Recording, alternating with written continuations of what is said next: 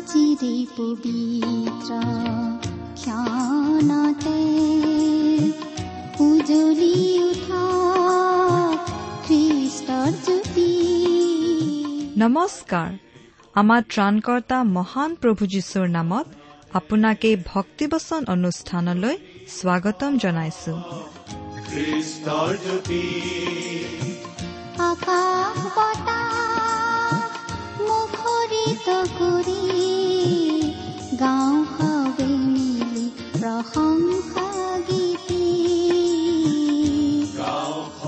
এয়া মুকলি কৰিছো ঈশ্বৰৰ জীৱিত বাক্যৰ ধাৰাবাহিক অনুষ্ঠান ভক্তি বচন। আপোনাৰ জীৱনত যদি শান্তি পাব বিচাৰে তেন্তে এয়া ঈশ্বৰৰ বাক্যৰ সান্তনা বাক্য ভক্তি বচন। গতিকে আহক আজিৰ শিক্ষা শুনো।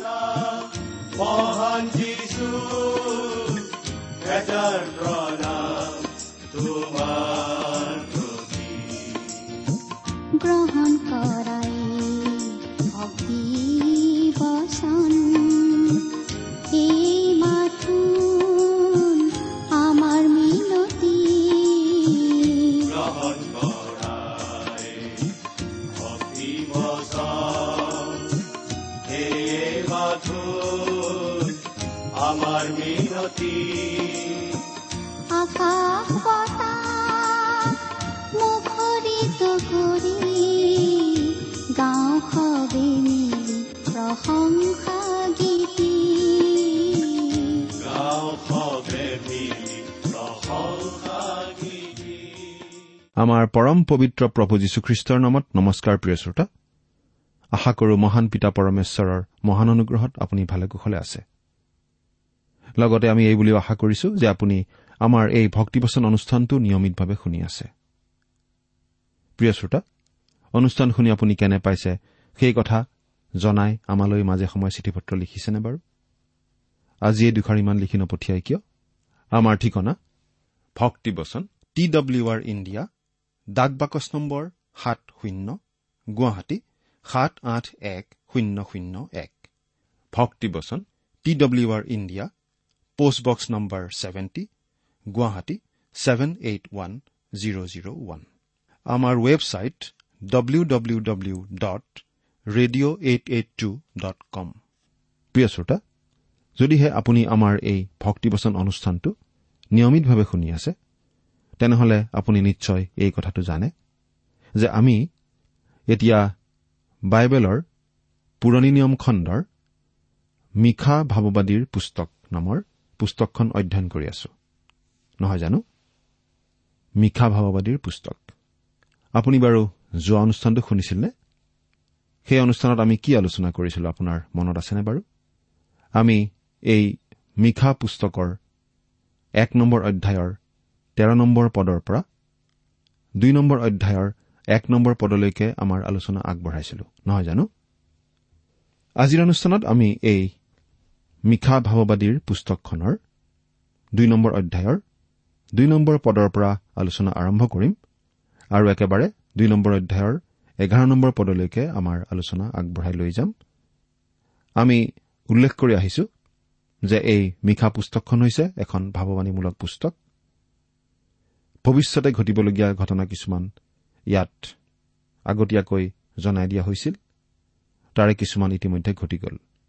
কিন্তু কিছুমান ভৱিষ্যতে ঘটিব। প্ৰিয় শ্ৰোতা আমি এই অনুষ্ঠান যেতিয়া প্ৰচাৰ কৰো আমি মাজে মাজে বাইবেলৰ পৰা পাঠ কৰি যাওঁ। সেয়েহে এই অনুষ্ঠানৰ পৰা লাভৱান হবলৈ হলে লগত বাইবেল এখন লৈ লোৱাটো খুবেই প্ৰয়োজন। আশা কৰো আপুনি আপোনাৰ বাইবেলখন মেলি লৈছে। আহক এতিয়া আমি অধ্যয়নৰ পিনে আগবাঢ়ো কিন্তু তাৰ আগতে ছুটিকৈ প্ৰাৰ্থনাত মূৰ্ণত কৰো হওক।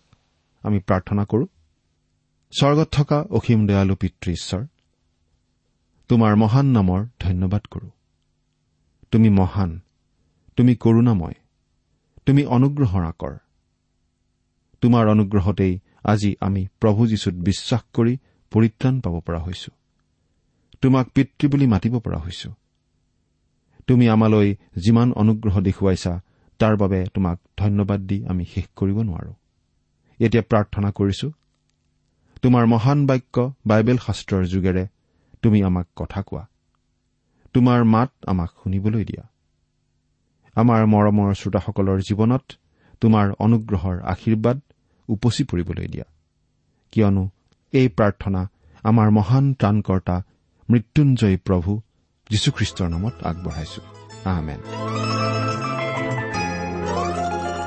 প্ৰিয় শ্ৰোতা মিশা ভাৱবাদীৰ পুস্তকৰ দুই নম্বৰ অধ্যায়ত আমি মিশাৰ দ্বিতীয়টো বাৰ্তাৰ কথা পাইছো। মিশা ভাৱবাদীৰ দ্বিতীয়টো বাৰ্তাৰ কথা এতিয়া আমি পাই আছো। মিশা ভাৱবাদীয়ে তেওঁৰ দিনৰ লোকসকলৰ কথা কৈ আছিল। যি লোকসকলৰ ওপৰলৈ ঈশ্বৰৰ সুধবিচাৰ নামি আহিবলগীয়া আছিল। সেই লোকসকলৰ জীৱনৰ বৈশিষ্ট্য আছিল মন্দতা। বিভিন্ন ধৰণৰ কুকাৰ্য। দিনটোৰ চৌব্বিছ ঘণ্টাই কেৱল মন্দতাৰ কাৰ্য। আনকি ৰাতি বিচনাত পৰা সময়তো তেওঁলোকে কেৱল মন্দ কথাৰ আঁচনি প্ৰস্তুত কৰি থাকে। এতিয়া মিশা ভাৱবাদীয়ে বিশেষ বিশেষ কথা কিছুমান স্পষ্টভাৱে কোৱা আমি দেখিবলৈ পাম। বাইবেলৰ পৰা চাই যাম। মিশা দুই নম্বৰ অধ্যায়ৰ দুই নম্বৰ পদ প্ৰথমতে পাঠ কৰি দিম। আপোনাৰ লগত যদি বাইবেল নাই অনুগ্ৰহ কৰি মন কৰি শুনিব। ইয়াত এনেদৰে লিখা আছে সিহঁতে পথাৰলৈ লোভ কৰি সেইবোৰ বলেৰে লয় আৰু ঘৰলৈ লোভ কৰি সেইবোৰ হৰণ কৰে। এইদৰে সিহঁতে পুৰুষ আৰু তাৰ ঘৰ এনেকি মানুহ আৰু তাৰ পৈতৃক আধিপত্যলৈ অত্যাচাৰ কৰে। তেওঁলোকে পথাৰলৈ লোভ কৰে আৰু সেইবোৰ বলপূৰ্বকভাৱে দখল কৰি লয়। এনেকুৱা কাৰ্যৰ উদাহৰণ আমি পাইছো। ইছৰাইলৰ ৰাজ পৰিয়াল আহব আৰু ইজেবলে কৰা কাৰ্যৰ মাজত। মনত আছেনে বাৰু প্ৰিয় শ্ৰোতা? প্ৰথম ৰজা বুলি একৈশ নম্বৰ অধ্যায়ত আমি এটা ঘটনা পাওঁ। সেই ঘটনাটো কি বাৰু? মনত আছেনে? তাত আমি পঢ়িবলৈ পাইছিলো যে আহব ৰজাই নবুত নামৰ মানুহ এজনৰ দ্ৰাক্ষাবাৰীলৈ লোভ কৰিছিল। অপথে যোৱা ল'ৰাৰ নিচিনাকৈ একো কথাতে সৈমান নোহোৱা ল'ৰাৰ নিচিনাকৈ আহব ৰজাই নবুতৰ সেই দ্ৰাক্ষাবাৰী পাবলৈ আকুৰগুজ হৈছিল। কিন্তু সেই দ্ৰাক্ষাবাৰী লাভ কৰিবলৈ তেওঁ পদক্ষেপ প্ৰথমতে লোৱা নাছিল।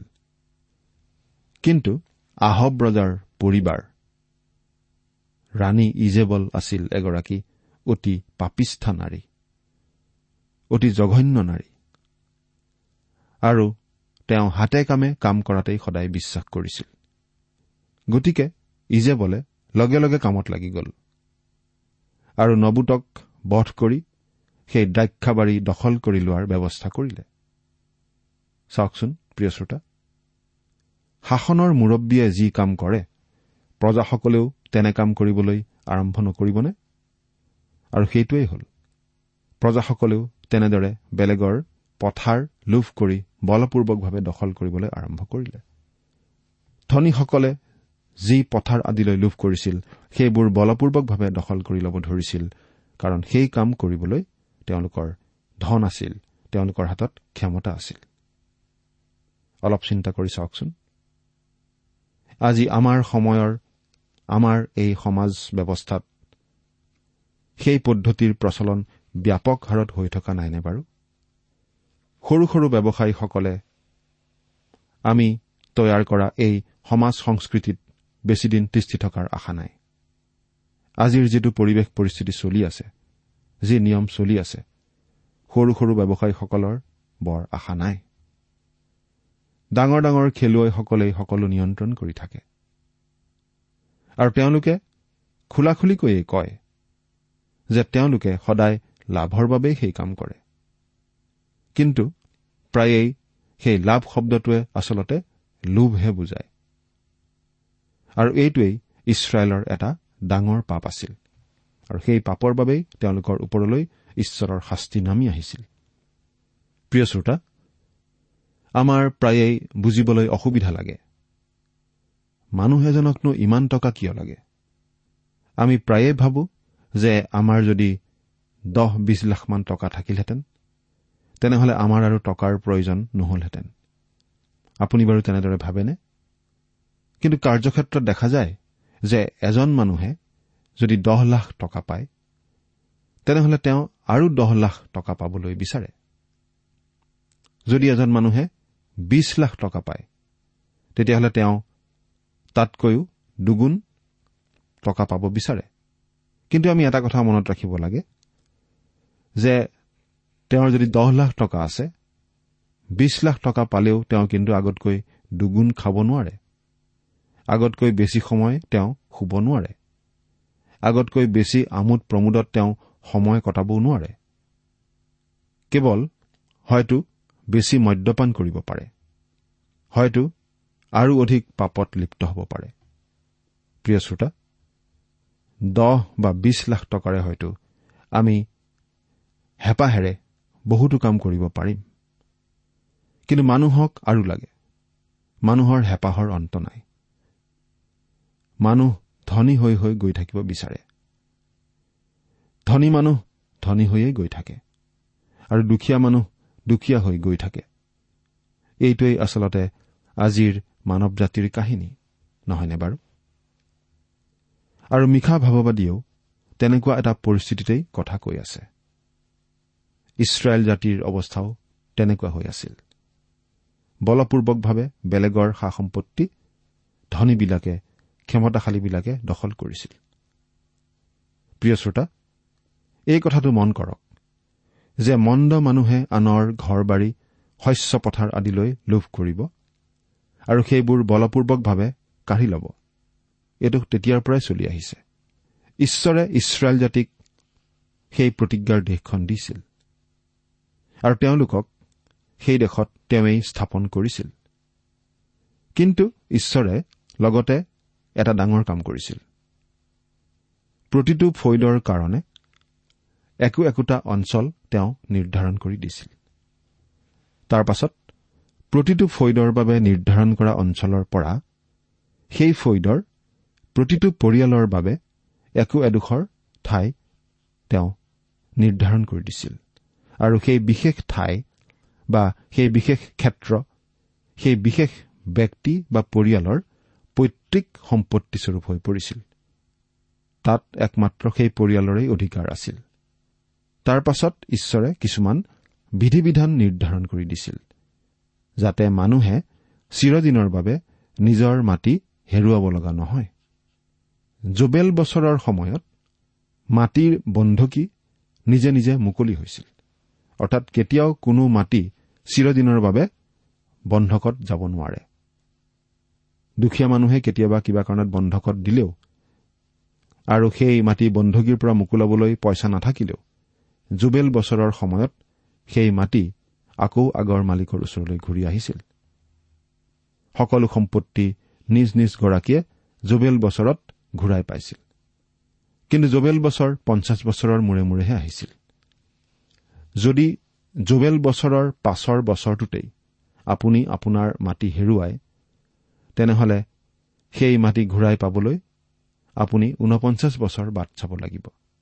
যদিহে তাৰ আগতে মোকোলাবলৈ আপোনাৰ হাতত ধন নাথাকে। আৰু যদি আপোনাৰ হাতত ধন থাকে অৱশ্যে কথাটো বেলেগ হ'ব। আৰু সেই সময়ছোৱাত আপোনাৰ লঘোণ ভোক আদি হয়তো অসহনীয় হ'ব পাৰে। যদিও দুখীয়াসকলৰ ৰক্ষণাবেক্ষণৰ কাৰণে ঈশ্বৰে নিয়ম বান্ধি দিছিল কিন্তু ধনী লোকবিলাকে সেই নিয়ম ভংগ কৰাৰ বাট উলিয়াই উলিয়াই লৈছিল। কিন্তু শাস্ত্ৰত আমি এইটোৱে দেখা পাওঁ যে ঈশ্বৰ সদায় দুখীয়াসকলৰ পক্ষত আছিল। এজন বিখ্যাত লোকে এইবুলি মন্তব্য কৰিছিল ঈশ্বৰে নিশ্চয় গৰীব লোকক ভাল পায় কাৰণ তেওঁ ইমানবিলাক গৰীব লোকৰ সৃষ্টি কৰিলে। আৰু প্ৰভু যীশুৱেও এই পৃথিৱীত দুখীয়া হিচাপেই জন্মি দাৰিদ্ৰৰ সোৱাদ লৈছিল। তাৰমানে আমি এইটো ক'ব খোজা নাই যে আমি দৰিদ্ৰ হৈ থাকিব লাগে। কিন্তু আচলতে আমাৰ নীতিটো হৈছে যে আমাৰ বাবে যিখিনি প্ৰয়োজন সেইখিনি আমাক ঈশ্বৰে যোগাব পাৰে আৰু যোগায়। আৰু সেইখিনিৰ বাবে আমি তেওঁতেই ভৰসা কৰি চলিবলৈ শিকিব লাগে। পদ। এই হেতুকে জিহুৱাই এই কথা কৈছে চোৱা যি অমংগল জুৱলীৰ পৰা তোমালোকে নিজ নিজ ডিঙি গুচাব নোৱাৰিবা আৰু গৰ্বেৰে চলিব নোৱাৰিবা। এনে অমংগল এই গোষ্ঠীৰ অহিতে মই কল্পনা কৰোঁ। কিয়নো এইয়ে দুখৰ সময়। এইটো বিশেষভাৱে মন কৰিবলগীয়া পদ। ঈশ্বৰে কৈছে মই তোমালোকক দোষী বুলি ঘোষণা কৰিছো। কাৰণ তোমালোকে বিচনাত পৰি পৰি মন্দ আঁচনি কৰা। কুপৰিকল্পনা কৰা। আৰু এতিয়া ঈশ্বৰে কৈছে মই তোমালোকৰ বিৰুদ্ধে মন্দ আঁচনি বনাম। তাৰমানে ঈশ্বৰে কি কৈছে বাৰু? চিন্তা কৰি চাওকচোন। ঈশ্বৰে জানো সঁচাকৈ মন্দ কাৰ্য কৰিব? নাই সেইটোতো সম্ভৱ নহয়। ঈশ্বৰে আচলতে মন্দ কাম কৰা লোকবিলাকক শাস্তি দিব বিচাৰিছে। মন্দ কাৰ্য কৰা লোকক শাস্তি দিয়া পাপী লোকক শাস্তি দিয়া সেইটোতো ন্যায়সংগত কথা। নহয় জানো? কিন্তু ঈশ্বৰে তেওঁলোকক তেনেদৰে শাস্তি দিয়াটো তেওঁলোকৰ দৃষ্টিত সেইটো ভাল কাম নহয় কাৰণ তেওঁলোকে সেইটো ভাল নাপাব। আৰু তেওঁলোকে সেইটো ঈশ্বৰে কৰা বেয়া কাম বুলিহে ক'ব। কিন্তু ঈশ্বৰৰ দৃষ্টিত সেইটো উচিত কাম। অৰ্থাৎ ঈশ্বৰে এইটো কৈছে যে তোমালোকে যেনেকৈ মন্দ কাৰ্যত ব্যস্ত থাকা তোমালোকে যেনেকৈ পাপ কৰা তেনেকৈ তোমালোকলৈ ময়ো মন্দ কাৰ্য কৰিম অৰ্থাৎ তোমালোকক শাস্তি দিম। অৱশ্যে সেইটো আচলতে মন্দ কাৰ্য নহয় তেওঁলোকৰ দৃষ্টিতহে সেইটো মন্দ কাৰ্য। যি নহওক আজি আনকি বহুতো তথাকথিত খ্ৰীষ্টীয় বিশ্বাসী লোকেও ঈশ্বৰক যে দোষাৰোপ কৰিব খোজে সেই কথাটো আমি ইয়াতে মনত পেলাব খোজো। বহুতো খ্ৰীষ্টীয় বিশ্বাসী লোকেও ঈশ্বৰক এই বুলি দোষাৰোপ কৰে। পৃথিৱীত কিছুমান ঘটনা ঘটিবলৈ ঈশ্বৰে অনুমতি কিয় দি আছে? অৰ্থাৎ এনেকুৱা মানুহবিলাকে যেন এই বুলিহে কৈছে ঈশ্বৰে কিবা বেয়া কামহে কৰিছে ঈশ্বৰে যেন কিবা ভুল কামহে কৰিছে। কিন্তু এই ক্ষেত্ৰতো ঈশ্বৰৰ যুক্তিৰ আগত মানুহ পৰাস্ত হয়। ঈশ্বৰে কৈছিল তেওঁ মানুহৰ দৃষ্টিকোণৰ পৰা তেওঁলোকৰ প্ৰতি মন্দ কাম কৰিব। অৰ্থাৎ ঈশ্বৰৰ কামটো মানুহৰ দৃষ্টিকোণৰ পৰাহে মন্দ যেন লাগিব। যদি মানুহবিলাকে পাপ কৰিয়েই থাকে তেনেহলে ঈশ্বৰে দণ্ডবিহী সেই কাম বন্ধ কৰিব। আচলতে ঈশ্বৰে ইছৰাইলক ঠিক যেন এনেদৰে কৈছিল মই অমংগল কল্পনা কৰিলো আৰু সেই অমংগলৰ জুঁৱলিৰ পৰা তোমালোকে ডিঙি গুচাব নোৱাৰিবা। সেই ডিঙিবোৰত বন্দিত্বৰ শিকলি লগাবলৈ ঈশ্বৰে আগবাঢ়িছিল। আৰু ইছৰাইলৰ লোকসকলক অচুৰ দেশলৈ বন্দী কৰি লৈ যোৱা হৈছিল। অচুৰীয়াবিলাক এই পৃথিৱীৰ অতি বৰ্বৰ নিষ্ঠুৰ জাতিবোৰৰ মাজত অন্যতম। ঈশ্বৰে লগতে এই বুলিও কৈছে তোমালোক গৰ্বেৰে চলিব নোৱাৰিবা কিয়নো এইয়ে দুখৰ সময়। ইছৰাইলীয়া লোকবিলাক অতি থৰডিঙীয়া আৰু গৰ্বী আছিল। কিন্তু তেতিয়া তেওঁলোকৰ সেই গৰ্ব খৰ্ব হৈছিল যেতিয়া অচুৰীয়াবিলাকে আহি তেওঁলোকক বন্দী কৰি তেওঁলোকৰ দেশলৈ লৈ গৈছিল। আজি আমাৰ নিজৰ জাতি বা দেশৰ অৱস্থা বাৰু কি? আমাক বাৰু আন জাতি বা দেশে ভাল পায়নে? গৰ্বী অহংকাৰী জাতি বা দেশক কোনেও ভাল নাপায়। অৱশ্যে আমি আমাৰ নিজৰ জাতি বা দেশক গৰ্বী বুলি ক'ব খোজা নাই। কিন্তু পশ্চিমীয়া আগশাৰীৰ দেশ এখনৰ কথা যদি আমি চাওঁ তেনেহলে দেখিবলৈ পাওঁ যে দ্বিতীয় বিশ্বযুদ্ধৰ পাছত পৃথিৱীত শান্তি আনিবলৈ আগভাগ লোৱা সেই দেশ পৃথিৱীৰ বেছিভাগ অংশতেই জনপ্ৰিয় নহয়। টকাৰ বলত সকলো সমস্যাৰ সমাধান হব বুলি ভবা সেই দেশক ঘীন কৰা লোক বহুত। বহুতো লোকে ক'ব খোজে যে সেই দেশৰ ওপৰত ঈশ্বৰৰ দণ্ড ইতিমধ্যেই পৰিব ধৰিছে। সেই দেশৰ নিয়ন্ত্ৰণ ঈশ্বৰ বিশ্বাসহীন ধনী মানুহ কিছুমানৰ হাতলৈ যোৱা বাবেই আজি বহুতো মানুহে দুখ কৰে। আমি এই কথা আকৌ উল্লেখ কৰিব খুজিছো যে শাসন পদ্ধতিয়ে নহয় কিন্তু শাসন কৰোতাসকলৰ চৰিত্ৰ আৰু গুণেহে এখন দেশ বা এটা জাতিক উন্নত কৰিব পাৰে। পদ সেইদিনা লোকে তোমালোকৰ বিষয়ে প্ৰবাদ ব্যৱহাৰ কৰিব। সুখপূৰ্ণ বিলাপৰ গান ধৰি কব আমি একেবাৰে বিনষ্ট হলো। তেওঁ মোৰ জাতিৰ অংশ অন্যৰ হাতত দিছে। তেওঁ মোৰ পৰা তাক কেনেকৈ দূৰ কৰিছে? বিদ্ৰোহীহঁতক তেওঁ আমাৰ পথাৰবোৰ ভাগ কৰি দিছে। অতি খেলি মেলি অৱস্থা এটা আহিব ধৰিছিল। সুখপূৰ্ণ বিলাপ। ইব্ৰী ভাষাত এটা অস্বাভাৱিক প্ৰকাশ। আমি আচল অৰ্থটো আমাৰ ভাষাত নিশ্চয় প্ৰকাশ কৰিব নোৱাৰিম। আচলতেনো মিশা ভাৱবাদীয়ে কি বুজাব খুজিছে সেই কথা। কোনো আশা নোহোৱা হৈ পৰিছিল। আমি একেবাৰে বিনষ্ট হলো একেবাৰে ধ্বংসপ্ৰাপ্ত হলো। এইবুলি তেওঁলোকে ক'ব লাগিব। পাঁচ নম্বৰ পদ। এই হেতুকে চিঠি খেলেৰে পৰিমাণ জৰি পাৰিবলৈ জিহুৱাৰ সমাজত তোমাৰ কোনো নাথাকিব। এই পদটোৰ বহু ধৰণৰ ব্যাখ্যা আগবঢ়োৱা হয় কিন্তু খুব সম্ভৱ ইয়াত এই বুলি বুজোৱা হৈছে যে সেই ঠাইত আৰু ঈশ্বৰৰ উপাসনা নচলিব। ছয় নম্বৰ পদৰ পৰা সাত নম্বৰ পদলৈকে পঢ়ি দিম। তোমালোকে ভাৱবাণী প্ৰচাৰ নকৰিবা। যিবিলাকে এইবোৰৰ বিষয়ে ভাৱবাণী প্ৰচাৰ নকৰিব তেওঁবিলাকেহে ভাৱবাণী প্ৰচাৰ কৰিব লাগে।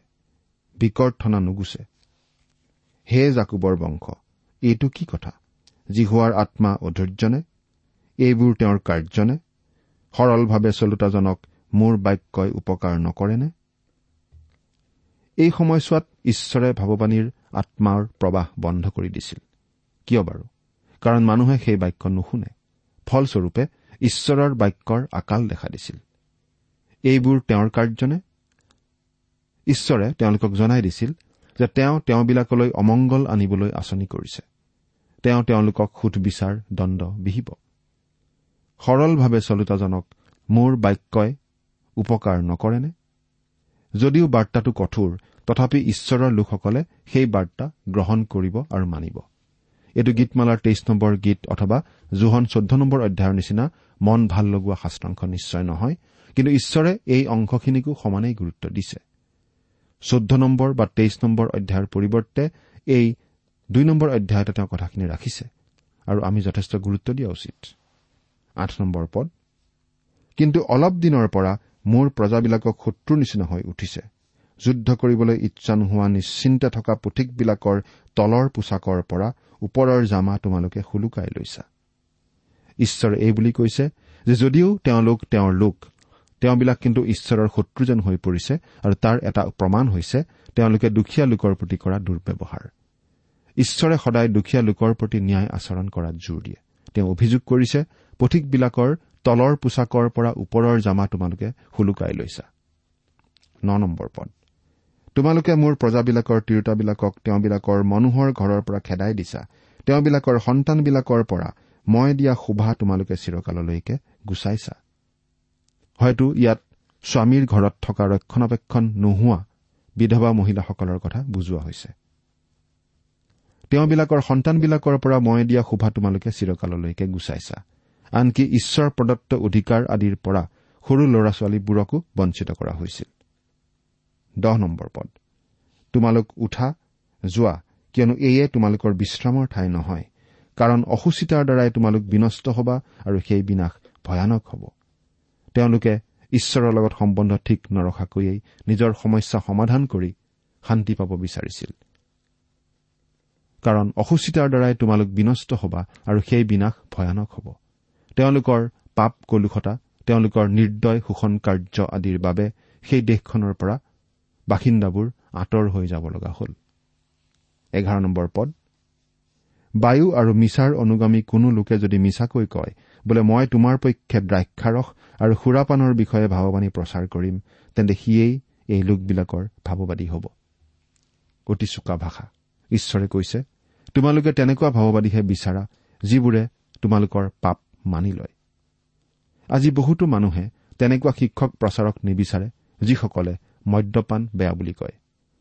তেনেদৰে সমালোচনা নকৰা শিক্ষক প্ৰচাৰক আদিহে আজিকালি মানুহে বেছিকৈ বিচৰা আমি দেখিবলৈ পাওঁ। মিশা ভাৱবাদীৰ সময়ৰ ভুৱা ভাৱবাদীসকলে মানুহবিলাকৰ পাপ সমালোচনা কৰা নাছিল। তেওঁলোকে মানুহক ভালৰি বোলাবলৈ কথা কৈছিল আৰু সেইবাবে তেওঁলোক জনপ্ৰিয় লোক আছিল। প্ৰিয় শ্ৰোতা আপুনি বাৰু মানুহক ভাল লগাবলৈ চেষ্টা কৰে নে ঈশ্বৰক ভাল লগাবলৈ চেষ্টা কৰে? আপুনি মানুহৰ মাজত জনপ্ৰিয় হ'ব বিচাৰে নে ঈশ্বৰৰ প্ৰিয় হ'ব বিচাৰে?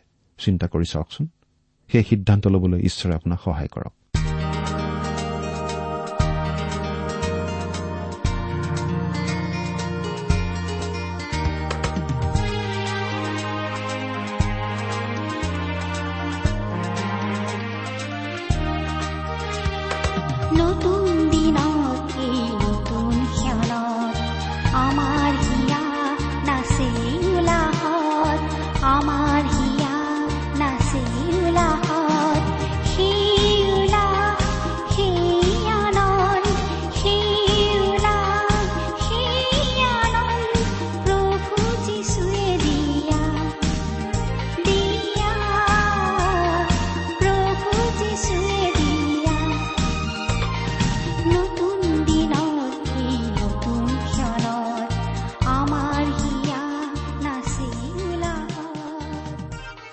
ইমান পৰে আপুনি ভক্তিবচন অনুষ্ঠানটি শুনিলে। এই বিষয়ে আপোনাৰ মতামত জানিবলৈ পালে আমি নথৈ আনন্দিত হ'ম। আমি প্ৰস্তুত কৰা বাইবেল অধ্যয়নৰ আন চিডিসমূহ পাব বিচাৰিলেও আমালৈ লিখক। অনুষ্ঠানটি শুনি কেনে পালে আমালৈ চিঠি লিখি জনাবচোন? অনুষ্ঠানত প্ৰচাৰ কৰা কোনো কথা বুজিব লগা থাকিলেও আমালৈ লিখক। আমাৰ ঠিকনা?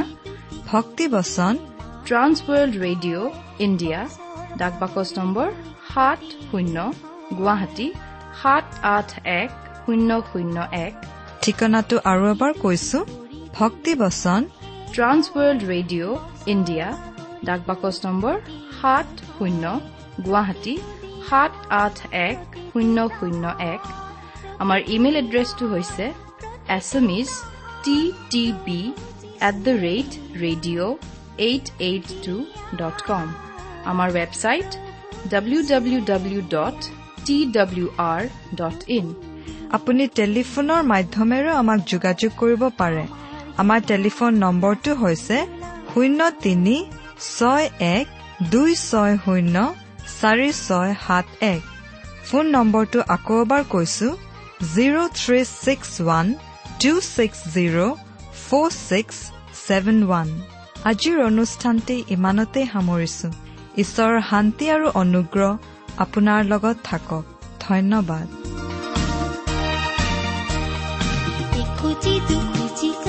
আমি